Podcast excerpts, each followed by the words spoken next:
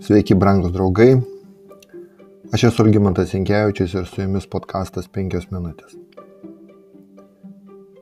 Sinaus dykumoje vykdoma padangties dievų įstatyba buvo labai svarbi užduotis, nes pas Dievas, kaip šiandien sakytume, buvo šio projekto kabutėse užsakovas. Pats Dievas tarp visų Izraelio žmonių rado žmogų, kuriam buvo patikėta pagrindinė atsakomybė už padangtės statybą. Išėjimo knygoje 31 skyriuje nuo 1 iki 5 eilutės skaitome. Viešpats kalbėjo Mozijai. Štai vardu pašaukiau Hūro sūnaus Ūrio sūnų Becalėlį iš judo giminės, pripildžiau jį dieviškos dvasios išminties, proto pažinimo ir sugebėjimo gaminti dirbinius iš aukso, sidabro bei vario, glūdinti ir įtvirtinti brangakmenius, drožinėti iš medžių, išmanyti bet kokią amatą.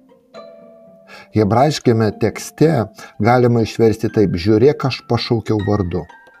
Kai viešpats pašaukia ką nors vardu, tai reiškia ypatinga Dievo malonė, kuri paruošia tą asmenį ypatingai atsakomybei. Pavyzdžiui, pranašas Izaijas rašo apie Izraelį. Nebijok, nes aš iš, išpirkau tave, pašaukiau tave vardu ir tu esi mano. Izaijo 43 skyrius.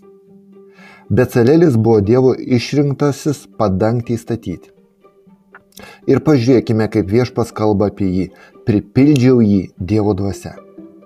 Čia mes matome, kaip Dievo dvasia dovanoja žmonėms įvairias dvasinės dovanas. Vėliau paštalas Paulius, siūsdamas laiškus į skirtingus miestus, kvies bažnyčią puoselėti dvasinės dovanas, kad padėtų Dievo darbui žemėje bendram labui. Pirmas laiškas korintiečiams.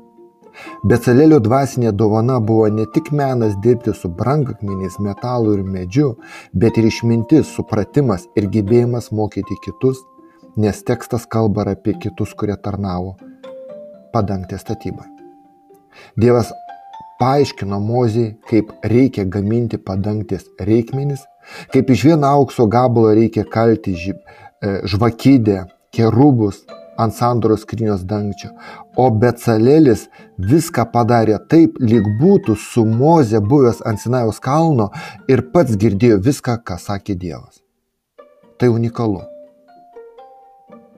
Tai yra šventosios dvasios darbas, kuri įdėjo išminti, teisingą matymą dalykų į priekį ir supratimo įdėjo į meistro širdį, į meisto protą. Dėka Dievo pagalbos ir Becalelio, jo padėjėjo ir daugelį kitų meistrų olumo, kurie taip pat buvo pripildyti Dievo dvasios, padangtė buvo užbaigta per gana trumpą laiką. Nuo, nuo darbo pradžios iki pabaigos praėjo maž, maždaug šeši mėnesiai. Nemanykime, kad BCL dovanas buvo spontaniškumo praiška. Sugalvojo, kad gali padaryti, pasisiūlė ėmė ir padarė. Priešingai, norint ištobulinti savo įgūdžius, pasiekti tokį lygį, jiems reikėjo daugelį metų sunkios praktikos, o jie neturėjo to. Naturalios BCL dovanas, kurias galėjo jūs be abejonės turėti, buvo derinamos su atgamtinėmis viešpaties dovanomis. Kiekvienas kūrybingas žmogus, poetas, tapytojas, skulptorius, muzikantas, dizaineris ar kitokio tipo kūrybingas žmogus turi ugdyti prigimtinį talentą, be kurio niekada jis negali pasiekti tobulumo. Mes žinome iš sporto, iš, iš kitų kūrybingų žmonių, kad vieniem reikia daugiau įdėti triuso, kitiem užtenka to įgimto talento, kurį, kuris yra labai nedaug šlifuojamas, bet vis dėlto šlifuojamas. Mūsų sugebėjimai ir talentai turėtų būti vertinami kaip šventas paties Dievo pasitikėjimas, laiminimas, skirtos jo šloviai ir žmonijos, jeigu taip galime pasakyti, gerinimai, o ne savęs išaukštinimui, kaip dažnai nutinka. Priešingų atveju šie puikūs sugebėjimai gali sukelti tik moralinį to asmens nuosmukį, pasididžiavimą, egoiškumą. Juk šventame rašte kalbama apie kitus talentingus žmonės, pavyzdžiui, Jubalas grojo trimitų geriau nei bet kas kitas, o Tubal Kainas buvo kvalifikuotas kalvis, profų profas, pradžios ketvirtas skyrius. Tačiau jų talentai nebuvo skirti viešpačiui. Mili draugai, Tegul Bacaelio istorija mums primena, kad Dievo dvasiai nėra ribų apdovanojant žmonės. Tačiau tuo pačiu metu mūsų dvasinės dovanas reikia nuolat tobulinti. Eiti į tobulumą, siekti tobulumą.